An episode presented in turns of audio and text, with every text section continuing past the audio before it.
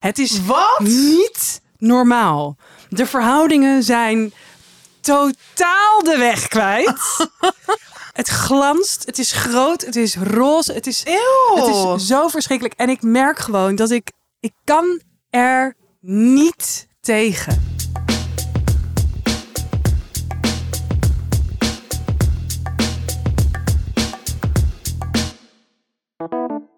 Dag mensen en welkom bij de podcast Tussen 30 en Doodgaan. Mijn naam is Malou Holshuizen en samen met Tatjana Almouli is dit aflevering 22 alweer van Tussen 30 en Doodgaan. Hallo, goedemorgen.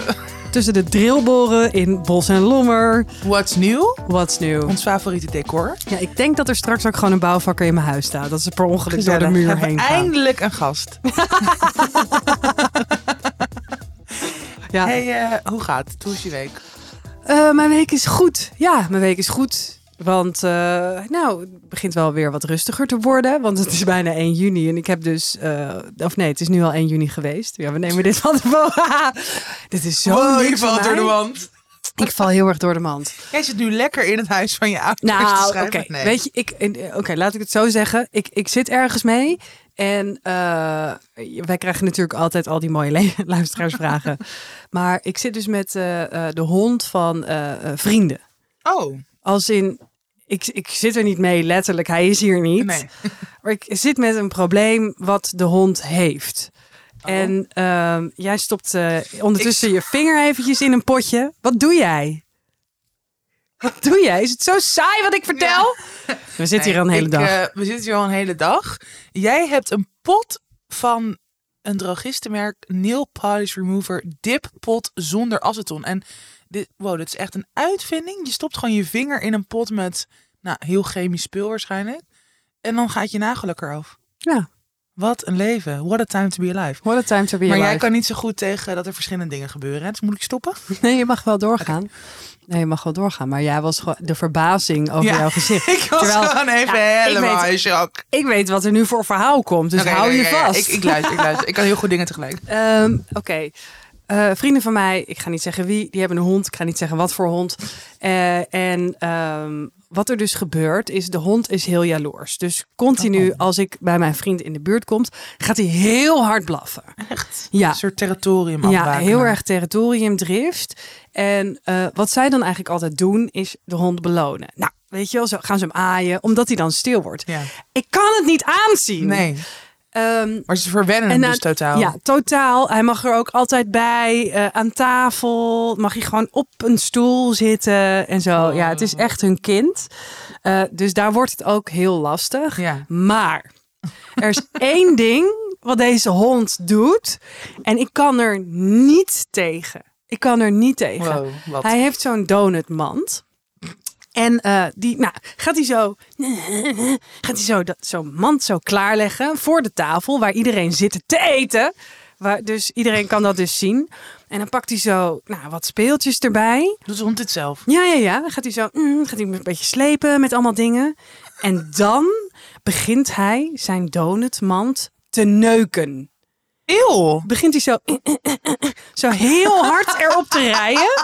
En ik zit dan zo lekker net te eten. En ik word helemaal gek. Eeuw, eeuw. En mijn vrienden reageren van, nou, stel je niet zo aan. Zo, dus die vinden dan dat ik... Dat jij... Dat, dat, dat ik me niet moet aanstellen. Maar ik kan het niet aanzien. Want je ziet ook gewoon dat die hond zich naar een hoogtepunt... Eeuw. Wordt zijn piemel ook groter? Luister, dan is hij klaar. Dan blijft hij eerst zo heel lang zitten en ons aankijken. Zo, oké, je bent nu in je mand klaargekomen en je blijft ons dus aankijken. En dan zit je, nou, nogmaals, ik zit te eten. Gadverdamme. En- Komt en er ook iets dan uit zijn piemel? Ja, en dan, nou, die, die hele, dat hele, zo, ja, uiteindelijk die mand, die zal wel heel krokant zijn. Eeuw. Maar ik kan dus alleen maar, alleen maar daar. Dus het is heel grappig wat jij net doet. Ik kan aan niks meer anders denken dan die vieze hond. Die, en ik zit dan te eten. Dus mijn hele concentratie gaat naar die gore, vieze hond. Daarna, het is nog niet klaar. Oh mijn god. Daarna gaat hij dus zijn pik aflikken. En dat is zo'n hele. Maar Tatjana, ik heb met mannen, ik ben, ik heb met, ben met mannen naar bed gegaan die een kleinere pik hadden dan deze hond. En het is een schoothond. Het is Wat? niet normaal. De verhoudingen zijn totaal de weg kwijt. het glanst, het is groot, het is roze, het is, het is zo verschrikkelijk. En ik merk gewoon dat ik, ik kan er niet tegen. Ik kan er niet tegen, maar het is dus ook... Jij bent echt obsessief. Het is dus ook, ja, I know. Maar ik, ik kan dus ook niet tegen mijn vrienden zeggen, want... Want het is echt alsof ik zeg: je kind spoort niet. Je kind heeft een afwijking. En Luisteren ze deze podcast? Nou, dat gaan we merken. Nee, maar zij vinden het niet, niet erg, want ze weten hoe verschrikkelijk het is. En zij, zij, ja, wij merken het niet eens meer. Ik vind het gewoon.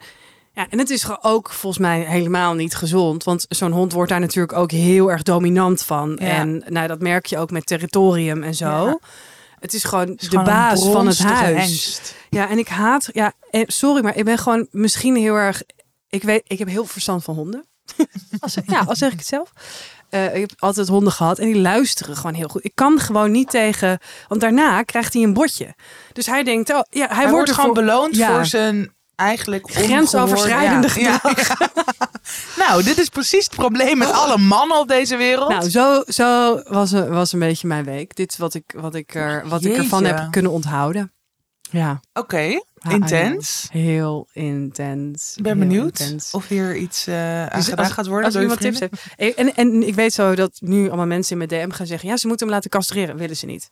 Waarom niet? Ja, eh, weet ik niet. Terwijl Oh, zijn het goede Kijk eens, kijk eens. Ik heb kippenvel gekregen van, van mijn eigen verhaal. Ik vind het zo vies. Dus, maar goed. Dat is heel grappig. Ja.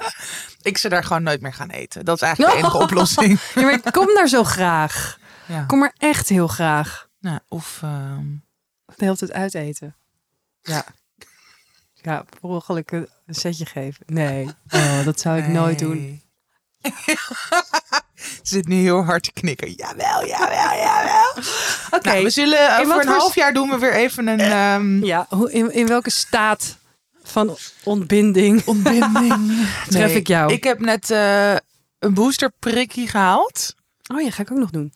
Ja? Jij natuurlijk voor Amerika. Ja, ik moest het voor Amerika. Want ik was, um, ik had nog geen booster gehad. Omdat ik uh, was net voor mijn afspraak had ik corona gekregen. Mm -hmm. dat vond ik ergens ook best wel prettig. Want uh, wat, ik het, wat ik het kutte aan die prikken vond. Was? Was dat ik uh, niet meer ongesteld werd. Oh. Dus ik was echt zo vier maanden niet. En je, nou, ja, het kan natuurlijk gewoon, want het heeft met hormonen te maken. Het kan gewoon dat, dat er even iets verstoord wordt. Maar echt heel veel mensen met een baarmoeder over de hele wereld hadden dit probleem. Dus Mhm. dat was ergens fijn dat ik wist van oké, het, het, ja, het ligt eigenlijk wel echt daaraan. Dat weet je gewoon dan. Maar het was, het was niet fijn. Ik vond het gewoon niet relaxed. En nou, dus mijn cyclus was gewoon weer goed op gang gekomen. Toen, werd, toen kreeg ik corona. Dus toen dacht ik, nou, dan hoef ik gewoon nu. Nu ben ik gewoon even beschermd. Een paar Ja. maanden. Ehm, maar voor Amerika, dat is allemaal heel streng. Dus je moet en je moet alle prikken hebben gehaald. Ehm, maar je moet ook nog een PCR. Nou, dat is natuurlijk overal. En, nou, ook mondkapjes. Dus ik ben opeens weer Mhm. helemaal terug Ja. in een soort van de corona werkelijkheid. Bizar. Ja, want het- en nu realiseer ik me pas hoe ik de afgelopen maanden gewoon geen moment bezig ben geweest met, oh ja, dit virus is er nog. Ja. Terwijl het natuurlijk onzin is, want heel veel mensen worden nog ziek. Mensen hebben long-covid. Eh, ja, mensen gaan waarschijnlijk ook nog dood. Ja, ik heb, ik heb dus helemaal geen besef daarvan. Wat natuurlijk super weer geprivilegeerd is. Dat het dus niet mij persoonlijk echt heeft geraakt of Ja. zo. Dus dat en... ehm, maar ik ben dus nu ook opeens... Want het is, ja, als deze aflevering online staat, dan ben ik hopelijk in Amerika. Maar nu, zo de week er naartoe, denk ik opeens, oh, maar wat als ik nu opeens nog corona krijg? Ja, ik vind ook dat jij, jij hebt nog een feestje gegeven. Dat vond ik echt. eh, Nou, en sterker nog, komend weekend heb ik twee uitgaansfeestjes. Maar ik ben nu ehm, dat wel heel erg aan het overdenken. Want het is echt iets voor mij ja, om opeens COVID alsnog te krijgen. dit ben jij. Dit ben ik gewoon. Ik ben de persoon die altijd dit soort pechdingen heeft. Gewoon altijd. Je Hm? kan dus. Maar ja, dan denk ik ook weer, ja, ik, ik heb deze week ook nog allemaal werkafspraken en dingen. Daar kan ik natuurlijk ook krijgen. Dus het voelt dan ook ergens heel dom om alleen maar. Maar goed, het is natuurlijk wel een groter risico als je met honderden mensen op, op een feest staat. Ja, Ja. nou, dus dit is nu even mijn werkelijkheid dat ik daar dat ik dat ik mijn hoofd daarover aan het breken ben en dat ik weer een pijnlijke schouder heb en dat ik gewoon opeens weer helemaal in die stress zit die we gewoon nou ja, twee jaar hebben gehad met, met z'n allen. Ja, en heb je verder wel alles geregeld? Je papieren ook voor New York en zo. En je paspoort, eh, die moet zoveel geldig zijn. ja, en een visum en ja. dat soort shit. Ja, dat wel allemaal.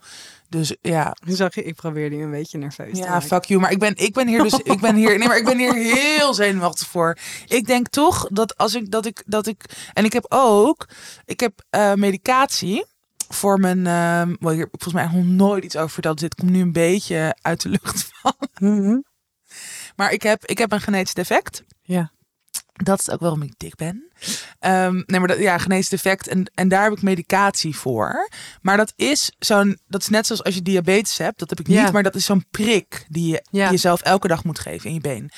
Ehm, maar dat is natuurlijk echt zo'n medicatie die je niet zomaar ehm, overal mee naartoe kan nemen. Want je hebt, je hebt dus ook naalden bij je. En Mhm. Nou, daar moest ik dan ook, dan moest ik een heel medisch paspoort en ik moest een doktersverklaring. Nou, ik heb dat wel allemaal, maar ik ben dan toch echt zoals de dood dat Ja. er iets, dat er iemand moeilijk gaat doen met mijn niet westerse achternaam en want ik heb nu zoveel uitzonderingsdingetjes Ja, ja, of ja. zo. Ja, dus ik, ik heb, ik kan hier echt dan, ik lig hier ook nu soms al wakker van. Heb ik wel eens verteld over mijn eh, eh, dat ik in Amerika eh, was en eruit werd gepikt. En mijn oma had toen mijn ehm, Ja, tas, heb mijn koffer. verteld. Ja, Maar dat heb had- je ook al in de podcast verteld. ja. Jammer. Nee, maar ik wil gewoon dat je, dat je weet wat er kan gebeuren. Oh. En dat je nooit moet zeggen, I don't know, my grandmother packed my suitcase. Dat zou ik niet doen. Gelukkig zijn mijn grandmothers allebei dood. Ehm, Nee, nee, ik ben gewoon even stil. Ja, prima, prima als jij zo Doei. over denkt. laat me met rust. Oh, ik drukte op de bumper, maar ik had het schuifje gaan niet omhoog. bimper, bimper, bimper, bimper, bimper, bimper.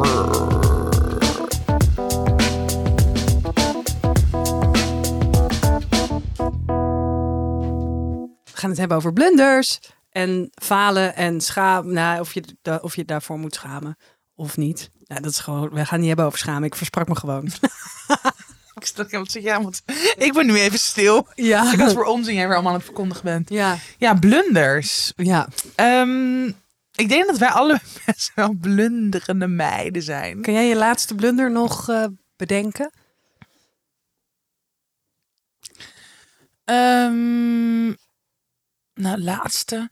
Ja, ik, ik, ik vond het dus ook best wel moeilijk om eh, hier. Of toen ik erover naging, denk ik, kon ik me dus niet heel veel herinneren. Maar dat is omdat ik gewoon echt aan de lopende band blunders maak. Ik ben gewoon, ik ben ook een heel onhandig persoon. Ja. Dus ik, ik ehm, eigenlijk dagelijks laat ik wel dingen vallen of struiken. Nou, gisteren, ik was gisteren aan het sporten met een vriendin. Ehm shout out naar Imaan. Die is groot fan van onze podcast. Ik dacht, nou leuk, even noemen. Geef ze ook geld dan? Ja, Imaan, geef ons Imaan, geld. wil je ons sponsoren? Nee, ik was, ik was met haar aan het sporten. En ehm, eh, toen struikelde ik over volgens mij gewichten of zo. En ik ging gewoon bijna mijn bek. In een volle gym. Waar iedereen, het is ook nog zo'n gym waar gewoon bijna iedereen heel cool is en er goed uitziet. En een soort van. eh, en ik voel me daar sowieso al heel vaak een sukkel. Want ik kom daar gewoon nog met halve slapenresten in mijn, wow, in mijn hoofd.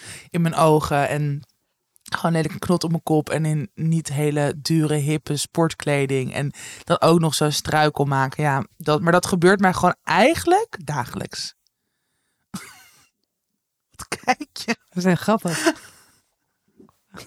Hoezo?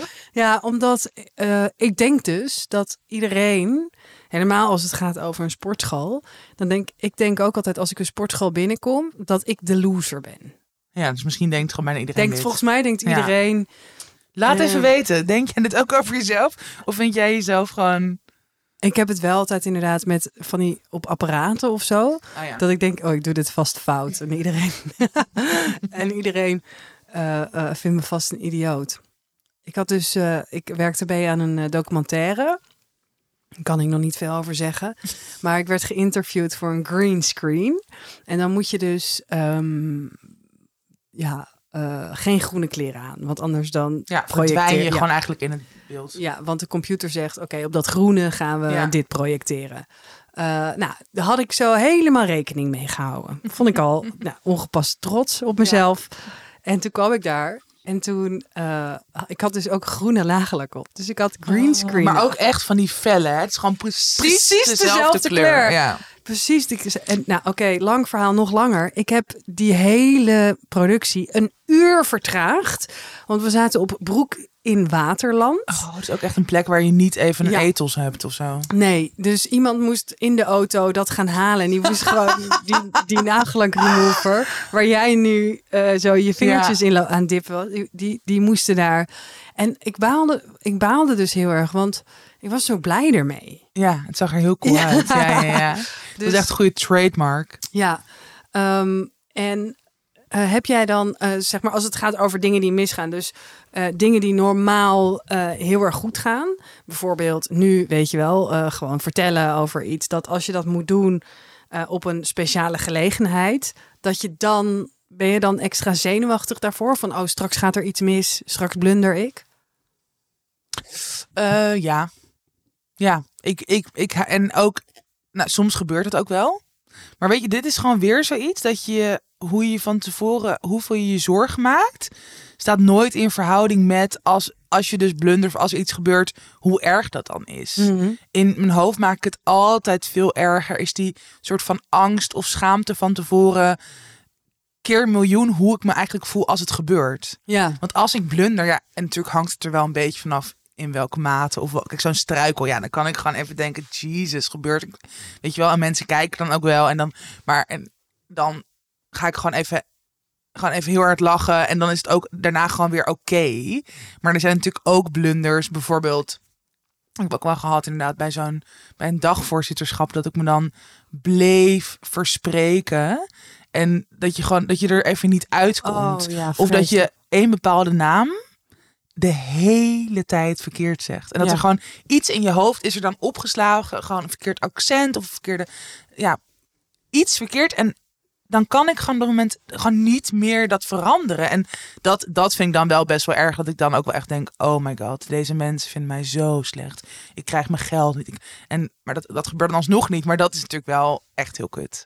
Ik heb echt, ik heb eh, laatst ergens eh, dagvoorzitterschap voor gedaan. En dat ging dus heel erg over, eh, nou, het ging over grensoverschrijdend gedrag. En ehm, wat er dus gebeurde, was, ik had interviews met de staatssecretaris en eh, nou, en volgens mij ging dat best wel goed. En, maar ik had daarvoor had ik best wel leuk gepraat met een van de panelleden. Ja. En eh, eh, ja, hij stelde zich gewoon voor bij zijn voornaam en zo. Ik ga even niet zeggen hoe die heet, maar laten we zeggen hij heet Bart. Ehm, en in dat panelgesprek wat ik moest leiden, Ja. eh, spreek je gewoon iedereen netjes aan met meneer, mevrouw of eh, met een functie. Wie staat de wethouder, staatssecretaris, eh, alles. En ik had een soort van blackout, want het ging over, het was een gesprek over beleid, over te voeren beleid Mhm, binnen het mhm. grensoverschrijdend gedrag in eh, een sector, hoe je cultuur verandert. Ja. Wat, wat is het beleid? Ja. Ik weet er best wel veel van af. Maar ik stond gewoon op een podium voor 300 man. Van tevoren volledig vergeten dat ik dat echt heel eng vind. Echt heel eng. Ja. Ik heb opeens gewoon in mijn hoofd. Ik weet, ik, ik, ik weet niet. Ik weet, ik, ik, ik weet het niet meer. En ik zeg zo. Bart. Gewoon vol bij zijn voornaam. Ja, hoe gaan we dit oplossen? En hij ook zo, zo weet je, en ik, en ik dacht meteen, oh, sorry, oh, dus eigenlijk wilde ik meteen al zeggen, Ja, sorry, sorry, ja, maar ja, dat, dat Nee, kan dat niet, kan dus je moet het dan, nee. dan ook ergens ownen. Er moesten gelukkig ook wel mensen lachen.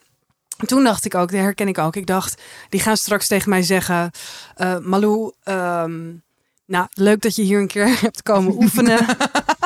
maar Maar dit kunnen we helaas niet serieus nemen en we kunnen je geen... je hebt ons congres verpest. Dat, dat dacht ik heel eventjes. Terwijl ik sprak eh, die Bart la- later en die zei: eh, hey, het was een leuk gesprek. Toen dacht ik ook: Oh, en toen.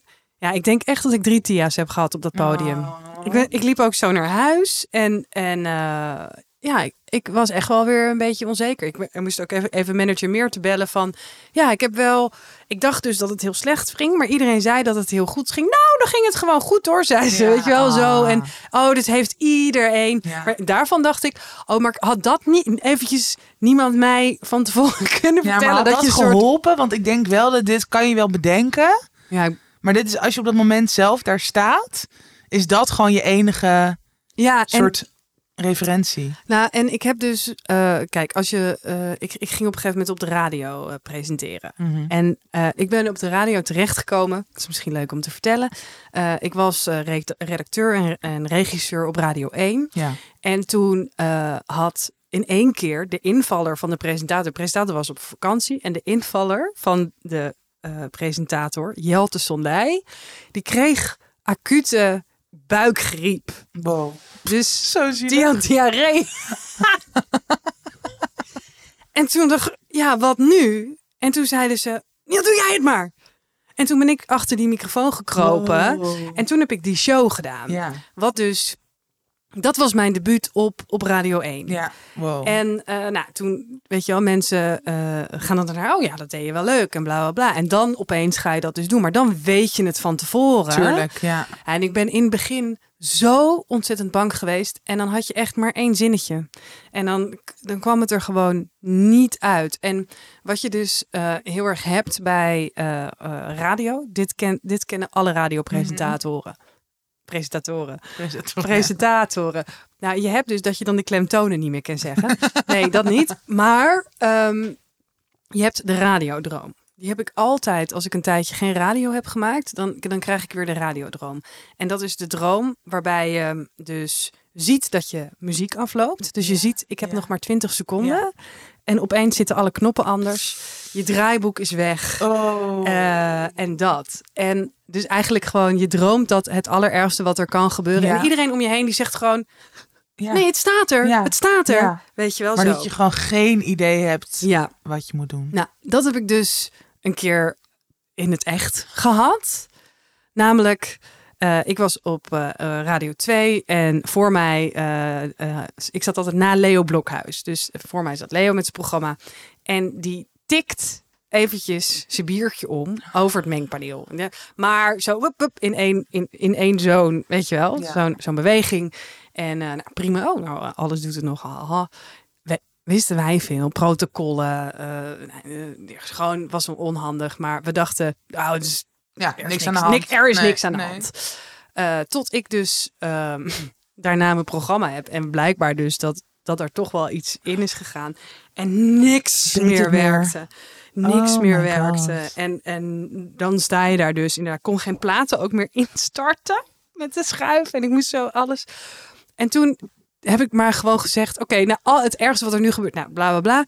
En toen ben ik het gewoon allemaal gaan benoemen. Ja. En toen, toen dacht ik, hey, dit voelt best wel goed. Want Ja. het is ook heel authentiek. Ja. En ik ben gewoon mega chaotisch. En eh, toen was het altijd, als ik ging invallen op Radio 2, dan kreeg ik allemaal mensen berichtjes sturen in de winkels. Yes, de chaos is weer binnen, Malou is er. Dus toen werd het een soort van Jouw, USP. jouw kenmerk. Ja, wat van, leuk. Oh, oh, Malou is er, dus het wordt weer één grote chaos Ja. met dingen in. en, daar dan- gaan mensen juist graag naar luisteren dan. Oh, alles benoemen. grappig. Oh, ik, oh, wacht, ik heb verkeerde plaat klaar. Oh, wacht. eh, Dus, Ja, dus dat ook wel. gewoon een soort clowntje. Nou, maar niet. Nee, ik denk dat clowntje. Een, een clown is altijd gespeeld natuurlijk. Ja, En dit maar is- ja, Dus ik denk eerder gewoon een idioot. Die een niks idioot kan. aan de knoppen. Ja. Nee. Oh man. Oh, wat grappig. Ja, ik heb dus, ik heb heel vaak gewoon een beetje van die soort sociale blunders of zo. Dat ik heb, ja, dat is niet sociale ongemakkelijkheid. Hoe noem je dat nou? Nou, meer verbale blunders. Ja, ver, maar gewoon heel onhandig of zo. Sociaal onhandig. Ja. Dus ik- incompetent. Sociaal Ja, incompetent. Nou, eigenlijk wel. Ja.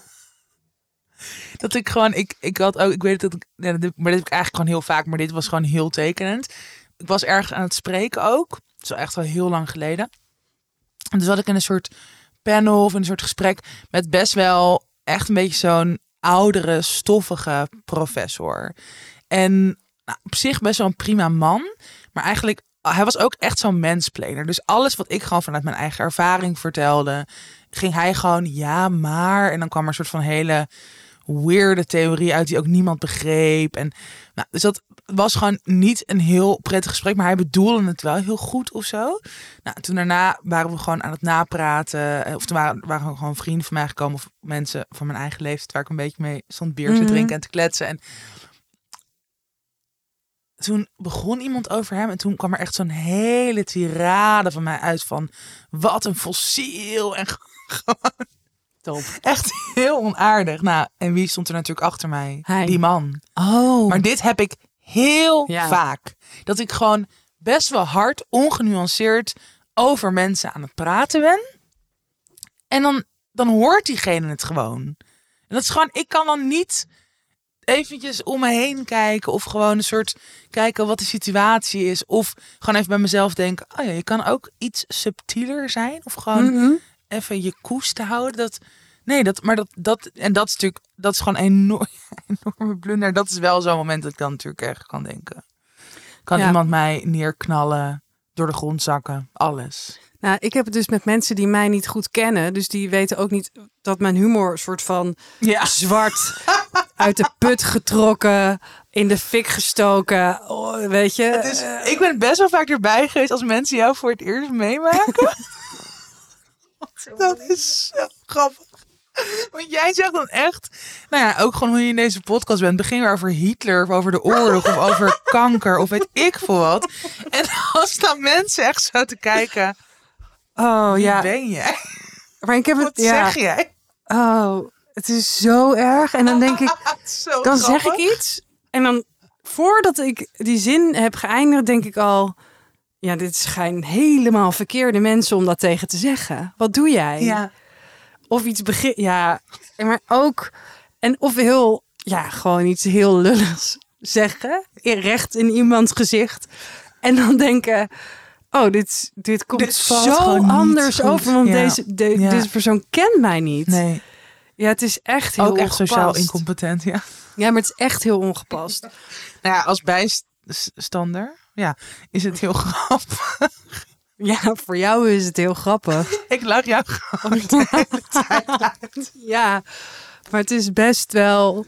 Nee, het is wel lastig. Maar dit is dus zoiets, ja, jij kan het ook niet, niet doen. Ja, of, je, of je bent gewoon niet meer jezelf. Dat Ja, is het. ik heb laatst, eh, ik had laatst, want mijn, kijk, mijn ouders kennen mij redelijk goed. Eh, dus die weten al, die, die, als ik iets zeg, zo, ja, Malou, weet je wel zo. Ja. Maar ik heb ze laatst wel weer, nou, toen heb ik mezelf echt overtroffen. Ik liep met eh, Erik de Perik 34, 36 eh, naar het strand van Wijk aan Zee. Mijn moeder was er ook bij. Mhm. En ehm eh, Rinse ging zijn ouders naar huis brengen, want die waren op bezoek geweest bij mijn ouders. En toen, eh, ik ging met mijn ouders naar het strand en toen zei ik, ja, Rinse kom misschien straks nog wel, maar dat is echt een uur rijden. Ja, ja. Dus die zou mij dan opkomen halen op het strand, Mhm. gezellig. Dus mijn vader zei, ja, deze man is zo ontzettend lief. Ja. Ik weet echt niet waar je dit aan verdient. Toen zei ik, nou pap, dat zal ik je vertellen. Ik ben echt ontzettend goed in bed. Mijn moeder die zo, Jezus!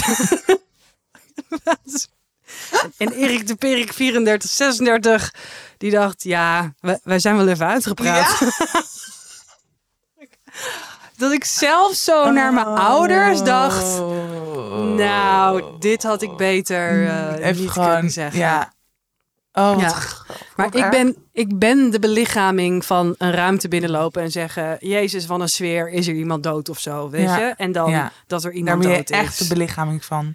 Ja, Nou ja, het is ook... ehm, het is niet subtiel. Nee, nee. Wel ook een unique selling point. Ja, Kan ook gewoon trots op zijn. ja. Maar, maar en, Oké. Is neem maar mee. Neem maar mee. Ja, neem maar mee in je leven. Ehm, in je verdere leven. In je verdere ongepaste leven. ja. Ehm, ja, maar wat... En vind jij het erg om blunders te maken? Nou, bij dit soort dingen denk ik wel. Want je hebt daarna wel iets goed te maken met mensen soms. Ja, dat is ook irritant. dat is super irritant. Dan moet je Dat dus er gevolgen wel- aan zitten. Ja, dat je dus wel denkt, ja, maar nu denkt iedereen dat ik een debiel ben. Ja, En dat wil ik dan ook weer niet. maar dat ben wel? je dus wel gewoon eigenlijk. Ja, oké. Of ik moet zelf accepteren dat ik een debiel ben. Maar ik vind de wereld een debiel en mezelf niet. Nee, grapje. Maar kijk, natuurlijk ehm, eh, vind ik het eh, vaak dat ik denk, Jezus, weet je wel zo. Maar ik denk ook dat als je zo bent... en dan gaat het over deze blunders... je moet wel goed eh, sorry kunnen zeggen. Ja. Dus hey, dat zei ik niet zo aardig, sorry. Of dat bedoelde ik helemaal niet, sorry. En het is ook vaak bij mij uit zenuwen. Want ik hou helemaal niet van nieuwe mensen leren kennen. Ja. En nieuwe, dus dat is het ook nog eens. Ja. Dus ik werk mezelf best wel eens in de nesten. Terwijl, ja, ik zou ook wel kunnen vragen... ja, ik zou niet weten wat ik zou kunnen vragen. Maar het ook, kijk, als je jou eenmaal een beetje kent, dan weet je dat dit er gewoon bij hoort.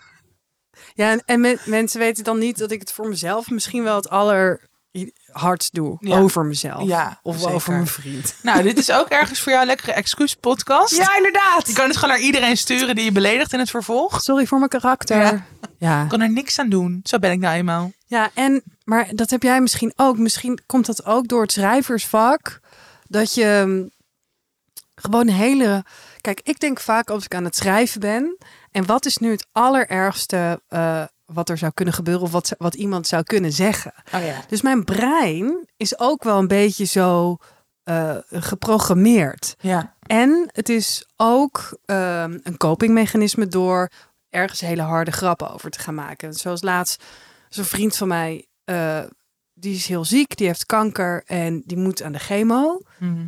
En eh, dan is het eerste wat ik zeg, oh benieuwd of zijn snor blijft zitten. En dat is, weet je wel, het Ja. is, het is A, niet grappig. Oké, wel een beetje grappig is wel een beetje grappig. B, het is super eh, onaardig. Ja. Echt heel onaardig. C, het maakt helemaal geen reet uit. Nee, daar gaat het niet om. En toch is dat het eerste wat in me opkomt. Maar dat is ook vanuit een, ja, Ja, het is, het is ergens een soort bescherm iets dat je niet te veel pijn of ongemak hoeft te voelen zelf of zo. ja het is gewoon het- makkelijker om... en het ook voor de situatie misschien even wat makkelijker te maken. Weet je wel? Ja. Dat je denkt, Ja, alleen dat is dus heel erg de vraag. Want ik bedoel, ja, soms is het leuk om even te lachen. Maar soms kan het ook heel erg een afleiding zijn. totaal. Ja. Oh, weer lekker aan het psychologiseren zijn we. Ja, en hoe gaat het nou echt met je? Met jou? ja, Ja, grappig. Wel. Dat het dus toch vaak wel die sociale blunders. mhm. Dat dan ook wel weer zoveel over je karakter zegt. En heb jij ergens een soort van worst case scenario nachtmerrie? Of in werk, of in je relatie, of in... Ehm, nou, ik, ik- zeg maar, die radiodroom van jou, die heb ik wel. En dan niet, ik, ik heb nooit iets met de radio gedaan, behalve te gast zijn. Ge, wow, gast te zijn geweest. Maar ik heb het wel, dus heel erg dat soort dromen over. Oh ja, eh, je boek verschijnt, je moet erover vertellen, je weet gewoon niet meer waar het over gaat. Of je staat op een podium omdat je dagvoorzitter of spreker bent en gewoon helemaal blanco en er komt gewoon echt niks. Of weet je, allemaal dat soort dingen, dat, die heb ik echt geregeld. En ook dat ik dat dan toch, dat dan zijn dan dromen, maar die neem je toch ergens, die zitten in je systeem. Dat is, dat is ook wel ergens een angst. Ja. Dus dat, eh, daar denk ik toch best wel vaak over dat, en dat herken ik. Ik bedoel, ik vind dat heel vaak, vooral dus met werkdingen, dat ik doe heel veel dingen die ik echt leuk vind en waar ik energie uit haal, maar die ik ook echt vreselijk vind. Eigenlijk bijna in al mijn werk vind ik ook dat ik me altijd afvraag waarom doe ik dit eigenlijk? Ja. Want ik vind het zo eng en ik ben zo bang voor wat ik ga zeggen en ga doen en ik vertrouw mezelf daar bijna niet eens helemaal in of zo. Mhm. En dat heeft ook wel met, ja, met dit soort blunder dingen te maken. Ook omdat ik dus, het gebeurt ook heel vaak. Ja. Ik verspreek me best wel vaak. Ik weet soms ook even niet wat ik moet zeggen. Ik, ook, ook met mijn boek. Wij moesten dus inderdaad vorige week eh, eh, hadden we die lezing. eh, of nou, lezing, ja, het was, het was eigenlijk gewoon een, Een gesprek, interview, een ja. interview bij de nieuwe boekhandel. En ja, mijn boek is gewoon al een paar maanden uit. Ik heb het niet meer teruggelezen of zo. En ik dacht ook opeens van ja, ik weet ook niet meer precies alles wat ik heb opgeschreven, Ja. hoe ik het bedoelde, hoe alles in elkaar zit. Ik kan soms stukken lezen uit mijn boek. En dan is het net alsof ik het voor het eerst lees. Ja. Denk ik, oh, wat een leuk stuk. Nee, maar dit heb ik dus ook. Want we moesten ook een leesfragment uitkiezen. En ik dacht ook, ga een keer iets anders doen. Uiteindelijk dat niet gedaan. Maar, dat maar dus dat ik, dat ik zo stukjes ging lezen. En ik dacht, oh, wow, dit, dit is eigenlijk ook wel grappig. Goede toon te pakken. Ja, complimenten. en heb jij, eh, eh, ben jij voor, oké, als het gaat over fysieke dingen. Bijvoorbeeld, ik had laatst in het ziekenhuis, eh, ik stonk heel erg. Want ik had mijn schoenen moest ik uitdoen nou, voor dat onderzoek. en Oh, dan- ja. Ben je dan voor ownen of gewoon in de ruimte doen alsof het niet aan de hand is en denken, fuck jullie, we weten het Oh, allemaal, dit vind ik maar... Zo, dit vind ik Of zo als je een scheet laat bijvoorbeeld. Ja. En dat je weet, iedereen ruikt het. ja. Of iedereen heeft het gehoord. Ik ben dan de eerste die gewoon zegt, oh god, voor iemand heeft Ja. gescheet. ik ook. Vaak Ik trek ook. ik er nog iemand bij. Ja. ja. Hey, Heb heb jij jij een echt daar vandaan? Nee, nee, heb jij een scheet gelaten? Gewoon aan iemand vragen. Zo kut. Ja, bij mij wisselt het heel erg. Ik heb met scheten, doe ik ja, wel altijd alsof iemand anders het heeft gedaan. Maar ik heb bijvoorbeeld heel vaak... Kijk, ik kan niet eh, langzaam fietsen. Dat, ik kan dat gewoon niet. Ik fiets altijd alsof gewoon een soort van de duivel op de hielen zit. Als ik in mijn eentje fiets. Altijd muziek op en gewoon alsof, ja, alsof ik gewoon echt een soort... Ik wil ook Alsof altijd je het gejat hebt. Alsof ik de fiets gejat heb en ik wil altijd Google Maps verslaan. Dus ik kom ook altijd eerder ergens aan dan dat mijn Google Maps heeft gezegd dat ik er zou wat een zijn. leven, wat een leven. Ja, slaat nergens op, maar dat is gewoon iets. Maar daardoor ben ik fucking vaak bezweet. ja. En echt, en niet een beetje, maar echt dat, dat gewoon, ja, dat mijn gezicht gewoon nat is. En eh, de laatste tijd doe ik best wel veel dingen voor dat filmplatform Cinetree. ja. En, eh, en- en dan worden er filmpjes van mij opgenomen. Dat ik dus films aan het aanprijzen ben. Maar ik kom altijd op die. En ik moet er straks weer naartoe. Dus ik ga nu proberen om, langzaam te normaal fietsen. te doen. Maar ik kom daar gewoon altijd helemaal gewoon echt bezweet aan. En dan moet ik ook nog met van die warmte, of gewoon met lampen op je gericht Mhm. en voor de camera. Ja, en dan kan je niet doen alsof iemand anders bezweet is. Dus dan Ja. moet je het ownen. Maar ik vind dat altijd zo fucking ongemakkelijk. Ja. Dat, en, en dan als je daarover na gaat denken, dan word je natuurlijk, dan, dan breekt het zweetje nog meer uit. Mhm. Dus dat is altijd dan, ja, dan kan ik ook wel weer echt door de grond zakken. Maar ja, aan de andere kant, Ja. fuck die shit. Dat, dit is ook gewoon blijkbaar wat mens zijn inhoudt. ja. Dit soort dingen. Wat ik dus de laatste tijd heb, dat is echt waar. En dat is eh, best wel eh, problematisch. Ik vergeet heel vaak door te trekken. Ook als je gekakt hebt. Ja. Ja. Wow, dus jij was diegene op ons kantoor. Nee, dat was ik niet. Nee, dat was ik echt niet. ik was. Nee, grapje, ik was het echt niet. Nee, ik was het echt niet. Nee, maar ik heb dus. Ja, het is echt heel heftig. Maar, Eh. hoe, wow, maar wow, dit is weer jouw vergeetachtigheid. Ja, Vergeetachtigheid. Wow. ja, Wat, wow, wat zielig voor Rinse. En Ja. voor andere mensen. ja. Maar ja. dan gaat je huis gewoon naar poep stinken. Nou, maar va- vaak kom je er wel snel op tijd Ja, achter. Maar daardoor. Soms, soms schrik ik dan. Ja. Kom ik dan naar de badkamer en dan schrik ik echt. Denk, ik- denk ik eerst nog, oeh, een rat. Oh nee, het is een drol. Van mezelf. Maar het is wel gelukkig. Volgens mij heeft Rinsen, is Rinsen nog nooit op een drol gestuurd van mij. Of hij is zo netjes geweest om het niet te zeggen. Waarschijnlijk dat laatste. Het is echt een gentleman. Nogmaals, die arme Rinse. Van ik elke denk- aflevering. Ik denk dat er gewoon, als we straks eh, eh, nog een extra show, dat, er, dat de show wordt die arme Die Rinsen. arme Rinse. Met compilaties van alle shit die wij om over hem zeggen. Die arme Rinsen. Goeie woordkeus, al die shit. Inderdaad. En door. Ik vind wel dan, als we dat dan achter een betaalmuur zetten en die opbrengst gaat naar Rinsen, dan heeft hij er nog iets aan. Een soort goede doel. Stichting. Stichting Arme Rinse. Stichting Arme Rinsen. Oké, gaan we door? Ja. Your attention, please. This is an important announcement.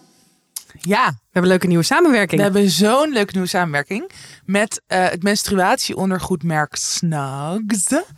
Ehm, ik ben echt al een tijd fan van ze. Mhm. Ik draag, ehm, denk nu een half jaar of al drie kwart jaar, als ik ongesteld ben, dit menstruatieondergoed. En ehm, ja, ik ben er heel blij mee. Ben, Ja. jij, ben jij al begonnen? Nou, eh, ik moest natuurlijk eventjes wachten totdat ik eh, eh, ongesteld, werd. Ja. En ik moest zeggen dat ik het dus in... nou, ik geloofde niet in. Nee, snap ik. Omdat ik dacht, ja, eh, onprettig. En je hebt er geen controle over. Dat is natuurlijk als je tampons gebruikt. Dan moet Ja, ja, moet je weet je zelf dat. En eh, nou, ik vond het toch wel spannend om de deur uit te gaan met alleen maar eh, menstruatieondergoed aan. Ook omdat ik geen idee had hoe het er bij mij allemaal bij hing. Ja. Qua hoeveelheid en massa. En, maar ik ben er dus ook echt heel erg over te spreken. Het is zo relaxed. Ja, Ja, misschien goed om even iets, want voor ik merk ook dat heel veel mensen hier dus ook dat ze niet goed begrijpen hoe het werkt eigenlijk. Want het lijkt inderdaad bijna een soort te mooi om waar te zijn. Je doet Ja. zo'n broekje aan en je hoeft in principe acht uur, dus een hele dag of een hele werkdag, niet na te denken over of je doorlekt, eh, Ja. of je inderdaad genoeg ehm, eh, Spullen bij je spullen hebt. bij hebt om je bloed op te vangen. Mhm. Ehm, maar er is dus een soort, ja, het heet een, een functional layer zit erin. ja. En die vangt dus dat bloed op. Maar het, is, het broekje is heel dun. Maar dat laagje is ook heel dun. Het absorbeert gewoon super goed. ja, het is heel duurzaam. het is heel duurzaam. Want je hoeft dus in, nou, het hangt er ook wel een beetje vanaf. Dat zo goed om te zeggen. Hoeveel je bloed. Dus het is gewoon. Je hebt ook verschillende modellen. Mhm. Sommige zijn voor lichtere menstruatiedagen. Sommige zijn voor als je zwaarder menstrueert. Dus daar kan je een beetje in ehm, ja, onderzoeken wat voor jou werkt. En voor sommige mensen die echt heel hevig bloeden, dan is het misschien wel fijn, vooral voor jezelf, voor het idee om Ja. misschien ook een tampon te gebruiken. Maar in principe hoeft dat echt niet. Dus het is inderdaad duurzaam. Het is dus super makkelijk, omdat je gewoon de hele dag niet daarover na hoeft te denken. Dat vind Mhm. ik echt het grootste goed, dat je niet... eh, ja, dat je daar gewoon geen zorgen over maakt. Want dat deed ik eigenlijk bijna altijd wel. Ja. Ik merk dat eigenlijk nu, sinds ik dit menstruatieondergoed gebruik, hoeveel ruimte dat dus ook scheelt in mijn hoofd als ik ongesteld ben. Van, ah ja, ik hoef hier gewoon niet mee bezig te zijn Ja. eigenlijk, gedurende de dag. Ik kijk altijd heel erg op tegen een tampon verwisselen, want soms lukt het niet bij mij. Dan krijg ik er dus niet Oh. goed in. En dan zit je zo op zo'n kleine wc. Ja. Dan moet ik dus eigenlijk een soort hurken. Ja. Of, maar ook omdat ik daar dan de hele tijd mee bezig ben, Ja. dan verkramp je een beetje en dan lukt het dus niet. En het doet echt zeer. ja. Dus daar ben ik heel blij mee. En ook, ja, eh, nadenken, zo min mogelijk alsjeblieft. Precies. Oké. Nou, en het zit ook gewoon lekker. ja, Dus je hebt verschillende modellen, je hebt ook verschillende kleuren, ook verschillend materiaal. Dus eh, ja, ik ben echt oprecht heel erg fan. Je hebt ook volgens mij een soort proefpakket die je kan bestellen als je gewoon even wil kijken wat voor jou werkt. En dat vind ik ook belangrijk om te zeggen. Heel veel mensen zijn ook bang dat het soort van gaat ruiken, dat het, dat het, Nee. dat het vies geurt. is ook niet zo. Ehm, je moet het wel gewoon aan het einde van de dag dan even eerst uitspoelen met lauw water. En dan kan je het alsnog in de wasmachine doen. Dus dat is ook heel chill. oh, dat heb ik niet gedaan. Ik heb het gewoon meteen in de wasmachine gedaan. Oh. Dat werkt ook. Nou, dat werkt Kan. ook. Nou, goed om te weten. Ja. Ehm, wij hebben natuurlijk een kortingscode. Ja. Heel leuk. Dat is in hoofdletters TDD 15. Tussen Dus 30, en doodgaan 15. Ehm, en dan krijg je 15% korting op het gehele assortiment van Snacks via snacks.nl. Maar we, in de show notes delen we even een speciaal linkje.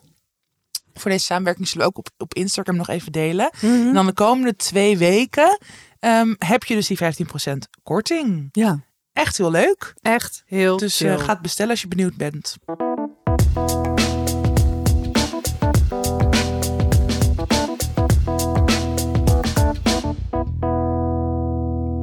Het is tijd voor ons favoriete onderwerp.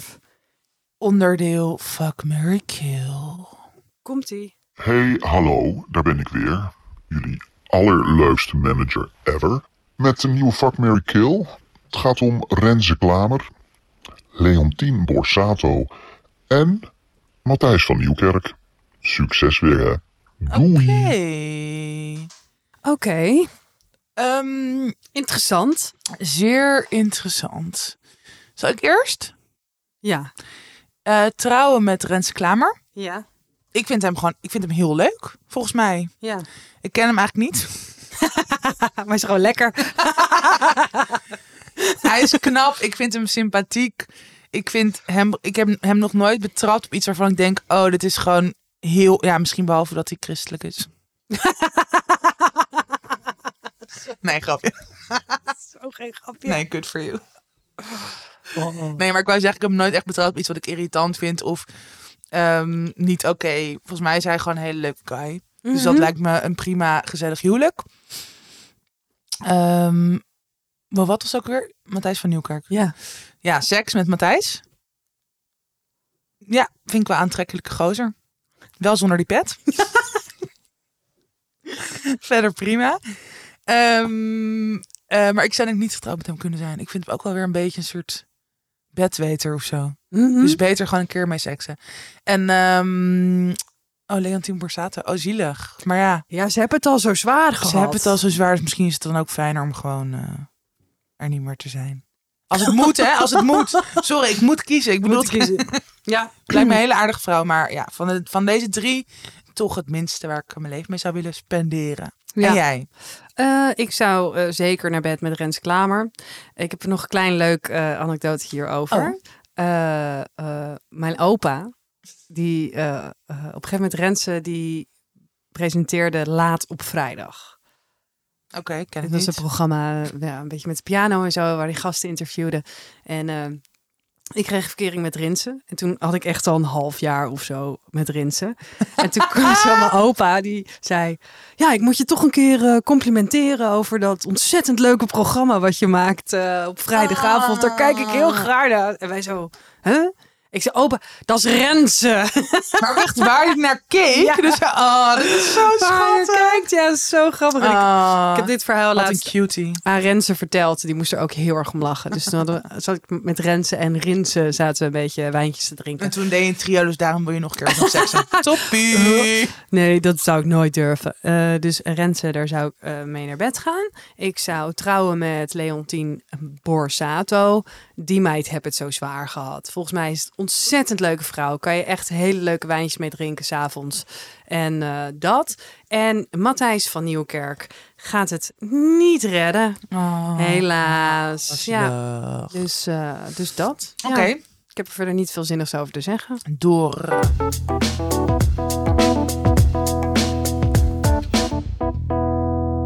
Tips, tips, tips. Tips. Tips. Ja. Ehm, zal ik eerst? Ja hoor. Ik ehm, tip de roman van Elfie Tromp, Pieta. Of Pita. Ja, ik weet dus niet hoe ik het uit moet spreken. Nou ja, het, het- oké. Ehm, Iets met ben- de P. Ja, ik ben het dus nu aan het lezen. Eh, allereerst, zij schrijft heel goed. Het is bijna poëtisch. Het is Mhm. bijna, je zou het ook, eh, het, het zou ook zomaar liedtekst kunnen, kunnen zijn.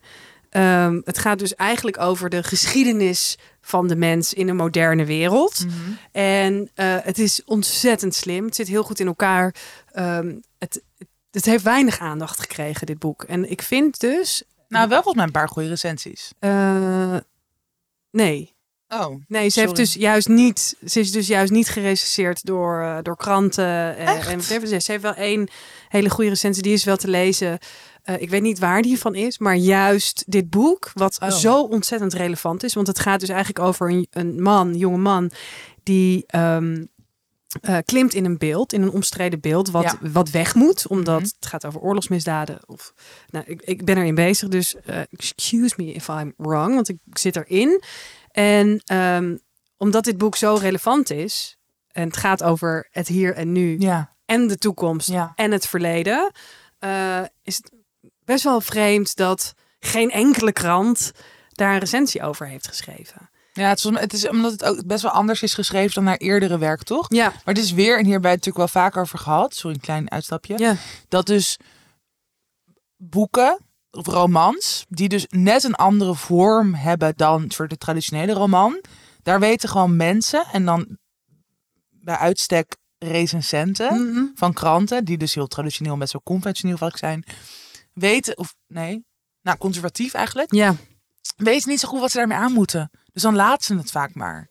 Dat is echt, en dat zie je dus heel vaak ook bij autofictie of ehm, wordt gewoon echt minder gerecenseerd. Ja, nou, ik ben dus, ik ben het nu aan het lezen en ik ben er echt van aan het genieten, sowieso van de stijl, eh, van de, de mooie personages zijn veel personages, veel inzichten. Dus Mhm. je, je gaat mee met echt heel veel verschillende mensen die allerlei dingen meemaken, wat nu ontzettend relevant is. Waar je ook, weet je, je kruipt in de huid van iemand waarbij je normaal zou ik daar niet mee in gesprek willen, bijvoorbeeld. Eh, het gaat over grensoverschrijdend gedrag. Eh, over de grenzen, wat, wat bezielt mensen. En ehm, nou ja, ik denk dus echt dat dit boek te weinig aandacht heeft gegeven. En wat ik wilde zeggen is, ik vind het heel goed dat zij zich daarover uitspreekt. Hoe dat dus is als schrijver. Dat je Maar dus dat heeft ze gedaan. ja, dat heeft ze gedaan. Dat heeft ze Oh. eh, op haar eh, Instagram-pagina gedaan. En ook ja, uitgelegd wat het met haar doet. En dat het ook gewoon heel frustrerend is. Ja, En ehm, dat wat vond ik goed. ja, dat vond ik echt super mooi om te lezen, omdat het ook gewoon de werkelijkheid is. Ja. En dat, dit boek gaat ook over de werkelijkheid, Mm. al is het fictie. Mm. Dus ik vind dat het meer aandacht besteedt. En ik, nou, ik kan er niet heel veel over zeggen, over wat ik er nu van vind. Alleen dat ik het met heel veel plezier en Lees. bewondering aan het Ja. lezen ben. Mooi. Ehm, ik wil graag de podcastserie van ja, wel onze vriendin, Mhm. maar ook gewoon een hele goede maker, Daan Borrel, eh, tippen. Het heet Met z'n allen achter de kinderwagen. En het gaat eigenlijk over ja, feministisch, nou, gelijkwaardig ouderschap. Omdat eh, Daan is eh, ongeveer een jaar geleden moeder geworden.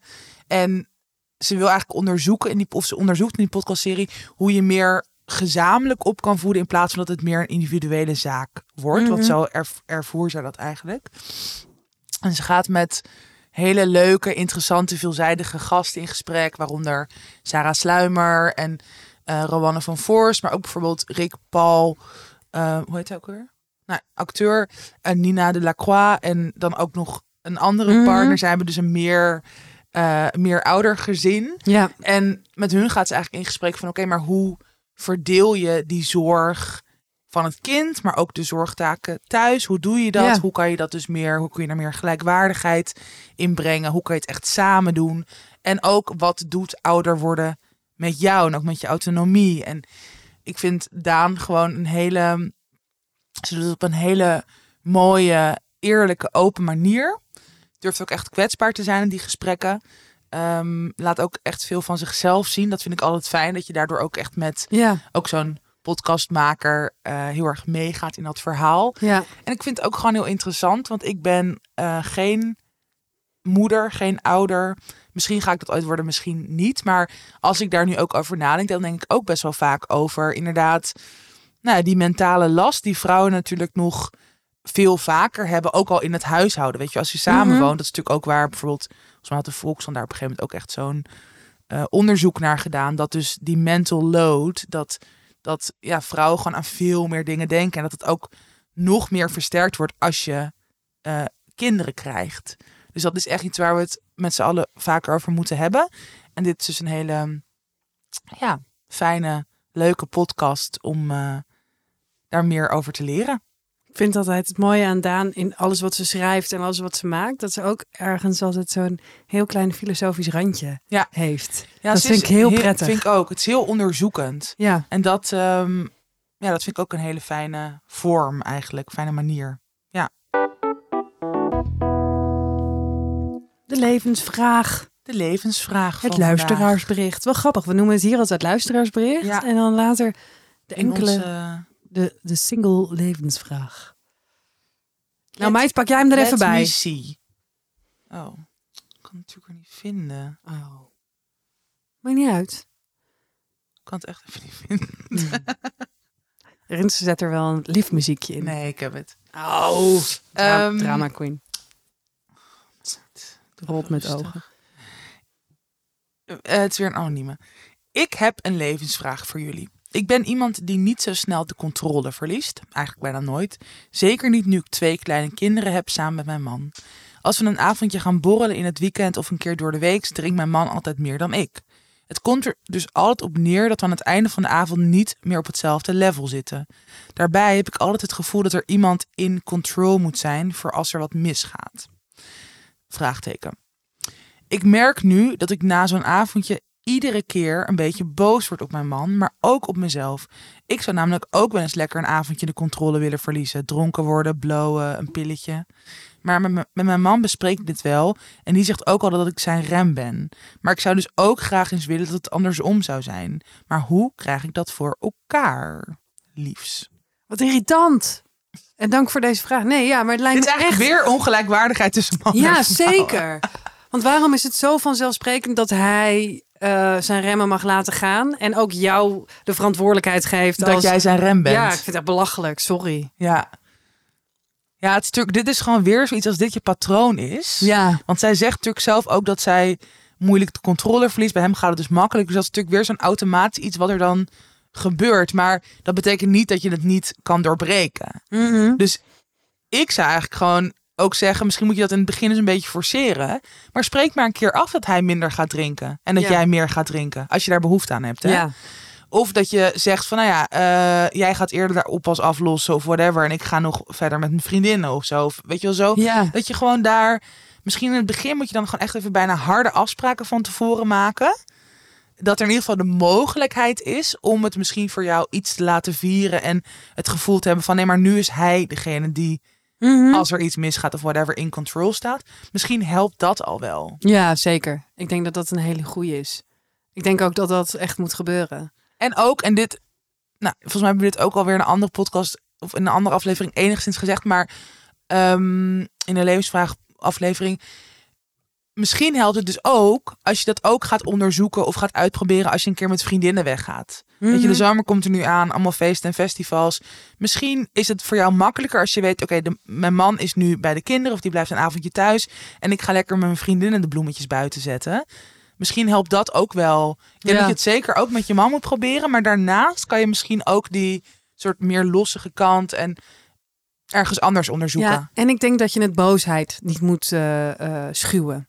Dat als jij zegt, ja, ik merk dat ik boos ben, dat vind ik vervelend van mezelf. Ja, het zit er toch. Ja. Je bent toch boos. En ik Ja. vind wel dat je die ruimte in mag nemen. Want je man neemt daarvoor alle ruimte in om eh, te veel te drinken en zich te laten gaan. Ja. En als je daar afspraken over hebt en als hij weet dat je dat niet prettig vindt, vind ik echt wel dat je een keertje boos Daar pissig over mag zijn. zijn. Ja, eens. ook, want dan escaleert het. En dan kan je daarna eh, samen tot een oplossing komen. ja, ja, Dus- helemaal eens. Ja, word maar Ja, boos gewoon. Word maar boos. Gewoon mental. Mental. crazy. Bad ship crazy. Bad shit crazy. Hij slaapt op de bank. Eh, je laat alle kinderen op hem los. Alle kinderen, alle tiende kinderen. Ja, precies. Je tekent iets op zijn gezicht met watervaste stift. Heel leuk. Zo, ja. Zin in. Ja. Oké. Dit was alweer de 22e aflevering van Tussen 30 en Doodgaan. Heel leuk dat je luisterde. Wil je ons iets vertellen, iets delen, een vraag, een dilemma, complimenten, rectificaties? Alles kan via onze Instagram, tussen 30 en Doodgaan.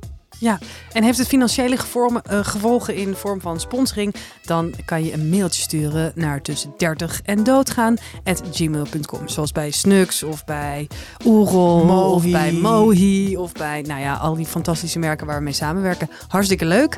Probeer jezelf in leven te houden. Tatjana is eigenlijk nu in Amerika, dus we zijn jullie vreselijk aan het oplichten. Maar onze Instagram is, eh, staat open. Voor we jullie. love you forever. Ever. Tot later.